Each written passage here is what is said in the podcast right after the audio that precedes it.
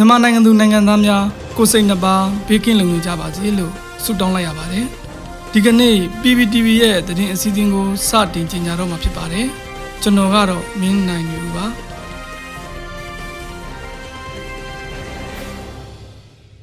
အခုပထမအဆုံးအနေနဲ့အောင်လန်လွင့်ချီနေဦးထီစိုက်အောင်မရက်ကိုအမျိုးသားညီညွတ်ရေးအစိုးရ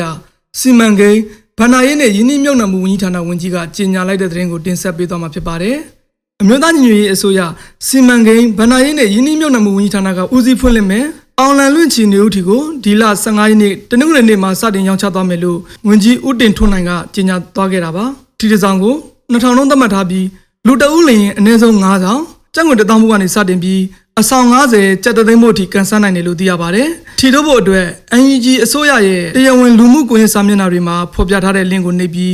ညွှန်ကြားချက်တွေအတိုင်းဆောင်ရွက်သွားမှာဖြစ်ပြီးထီဖို့ငွေပေးချင်မှာလုံခြုံဖို့အတွက်ကိုယ့်ရဲ့တရားဝင်ဘဏ်အကောင့်တွေကိုမရွေးချယ်ဖို့အကြံပြုထားပါတယ်။ထီထိုးရမှာလုံခြုံမှုရှိသေးဖို့ထီထိုးသူရဲ့စကနေဒါမှမဟုတ် Telegram နံပါတ်တွေကိုလည်းပေးထားဖို့လိုမှာဖြစ်ပါတယ်။ထီကိုတစ်လတစ်ခါဖွင့်သွားမှာဖြစ်ပြီးရရှိလာတဲ့စုစုပေါင်းထီရောက်ရငွေရဲ့80ရာခိုင်နှုန်းကို CDM တွေကိုထောက်ပံ့ပေးသွားမှာဖြစ်ပြီး30ရာခိုင်နှုန်းကိုစုချင်းငွေအဖြစ်ဖွင့်လှစ်ပေးသွားမှာဖြစ်ပါတယ်။တကယ်လို့ထိပေါက်ခဲ့ရင်လည်းစုငွေကိုယူမလား ဒါမှမဟုတ်တော်လိုင်းရစ်အတွက်ပြန်လည်လူတန်းမလားဆိုတဲ့ရွေးချယ်စရာအချက်တွေလည်းပါရှိမှာဖြစ်ပြီးတကယ်လို့သာကန်ထူးတဲ့စုငွေကိုပြန်လူဖို့ကန်ထူးရှင်ကဆန္ဒရှိမယ်ဆိုရင်ဂုံပြုလက်မှတ်ပြန်လည်ချိမြင့်ပေးသွားမှာဖြစ်ပါတယ်။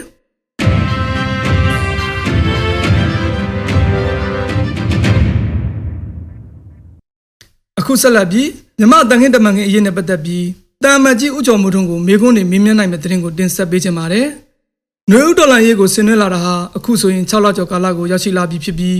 ဒီကာလအတွင်းမှာမြန်မာနိုင်ငံရဲ့တန်ခင်းတမန်ခင်းအခြေအနေတွေနဲ့ပတ်သက်ပြီးကုလသမဂ္ဂဆိုင်ရာမြန်မာအမြဲတမ်းကိုယ်စားလှယ်တာမတ်ကြီးဥကျော်မှုထုံးကိုအွန်လိုင်းကနေတဆင့်မေခွန်းနေမင်းမြန်းနိုင်မယ့်အခွင့်အရေးတစ်ခုကိုဩဂတ်လ14နေ့ည8:00နာရီမှာရရှိတော့မှာဖြစ်ပါတယ်။ဒီအစီအစဉ်ကိုအမျိုးသားညီညွတ်ရေးအစိုးရအမျိုးသမီးလူငယ်နှင့်ကလေးတငယ်ရေးရာဝန်ကြီးဌာနဒုတိယဝန်ကြီးဒေါ်ဤတင်စာမောင်ကသူမရဲ့ဖေဖို့လူမှုကွန်ရက်စာမျက်နှာမှာလိုက်တင်ဆက်သွားမှာဖြစ်ပါတယ်။ နယူးဒေါ်လာရေးရွေးနဲ့တန်ခင်းတမန်ခင်းလို့အမည်ပေးထားတဲ့ဒီ online တွဲဆောင်ဆွေးနွေးခန်းကိုတန်မတ်ကြီးဦးကျော်မိုးထွန်းနဲ့ဒေါ်ဤတင်စာမောင်တို့ကဥဆောင်ဆွေးနွေးမှာဖြစ်ပြီးပြည်သူတွေအနေနဲ့တန်ခင်းတမန်ခင်းအခင်းချင်းမှာဘယ်လိုမျိုးတတတအားပါဝင်နိုင်မယ်ဆိုတဲ့အကြောင်းအရာတွေကိုအဓိကထားဆွေးနွေးသွားမှာဖြစ်ပါတယ်။အဲဒီလိုဆွေးနွေးမှု live season ကိုကြည့်ရှုနေတဲ့ပြည်သူတွေအနေနဲ့လည်းမိခွန်းတွေကိုဝင်ရောက်မေးမြန်းနိုင်မှာဖြစ်ပြီးမင်းမြန်းလိုတာတွေကို Deputy Minister f အတင်စာမောင် .org စီကိုဩဂတ်လ14နှစ်မတိုင်မီကြိုတင်ပေးပို့ရမှာဖြစ်ပါတယ်။စက်တင်ဘာလမှာ ကုလသမဂ္ဂရဲ့86ကြိမ်မြောက်အထွေထွေညီလာခံကိုကျင်းပသွားမှာဖြစ်ပြီးဒီညီလာခံကနယူးဒေါ်လာရေးအတွက်အရေးကြီးတဲ့အခမ်းကဏ္ဍအဖြစ်ရှိလာမှာဖြစ်ပါတယ်။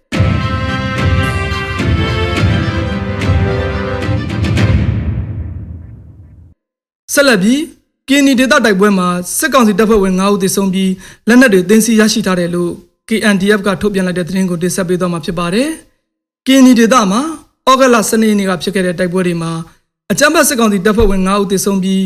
လက်နက်အချို့ရရှိခဲ့တယ်လို့ KND အမျိုးသားကာကွယ်ရေးတပ်ဖွဲ့ KNDF ကထုတ်ပြန်ထားပါတယ်။ KNDF ရဲ့ထုတ်ပြန်ချက်နဲ့ဒေသခံစစ်ကြောင်ကူညီရေးတာဝန်ရှိသူရဲ့ပြောဆိုချက်အရဩဂတ်လ12နေ့မှာ KND တပ်မတော် KA နဲ့ KNDF ပူးပေါင်းအဖွဲ့ဟာထိုးစစ်ဆင်လာတဲ့စစ်ကောင်စီတပ်တွေကိုခုခံတိုက်ခိုက်မှုတွေပြုလုပ်ခဲ့လို့တိုက်ပွဲလေးချိန်တမန်နဲ့ဖြစ်ခဲ့တယ်လို့သိရပါတယ်။ ကရားပြည်နယ်ထက်ကလူတော်ကျေးရွာနီတို့ဩဂလစနေနေ့မနက်ပိုင်းကစစ်အင်အားဖြစ်တင်းမှုလမ်းခင်းလာချထားတဲ့အကြမ်းဖက်စစ်ကောင်စီတပ်တွေကို KNI လက်နက်ကင်တပ်တွေကတိုက်ခတ်ခဲ့လို့စစ်ကောင်စီတပ်ဖွဲ့ဝင်9ဦးသေဆုံးပြီး3ဦးဒဏ်ရာရရှိခဲ့တယ်လို့ KNDF ကထုတ်ပြန်ပါတယ်လက်နက်ငယ်အချို့နဲ့လက်နက်ကြီးတက်လက်သိမ်းဆည်းရမိခဲ့တယ်လို့လည်းဖော်ပြထားပါတယ်ဒါအပြင်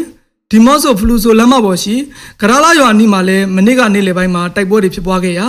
စစ်ကောင်စီရဲ့ဒီမော့ဆိုမျိုးအခြေစိုက်တပ်ကလက်နက်ကြီးတွေနဲ့အဆက်မပြတ်ပစ်ခတ်ခဲ့တယ်လို့ထုတ်ပြန်ထားပါတယ် မနေ့ကညနေပိုင်းမှာလည်းဖယ်ကုံမြို့နယ်မှာ KNDF တပ်ဖွဲ့နဲ့စစ်ကောင်စီတပ်တို့တိုက်ပွဲတွေဖြစ်ပွားခဲ့လို့စစ်ကောင်စီတပ်ကလက်နက်ကြီးတွေနဲ့ပစ်ခတ်ခဲ့တယ်လို့ဆိုပါတယ်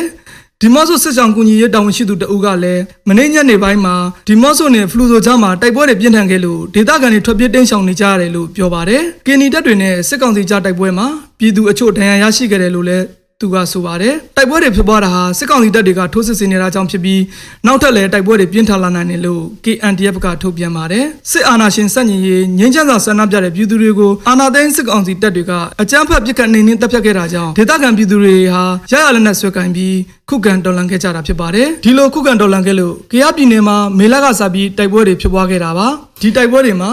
ပြည်သူတွေနဲ့ဖွဲ့စည်းထားတဲ့ဒေသခံကာကွယ်ရေးတပ်တွေဟာ KNI တိုင်းသားလက်နက်ကန်တော်လှန်ရေးအဖွဲ့ဖြစ်တဲ့ KNPB KA တို့နဲ့အတူပူးပေါင်းတိုက်ပွဲဝင်နေကြတယ်လို့သိရပါတယ်။ရေတော်ဘုံအောင်ရမည်ရေတော်ဘုံအောင်ရမည်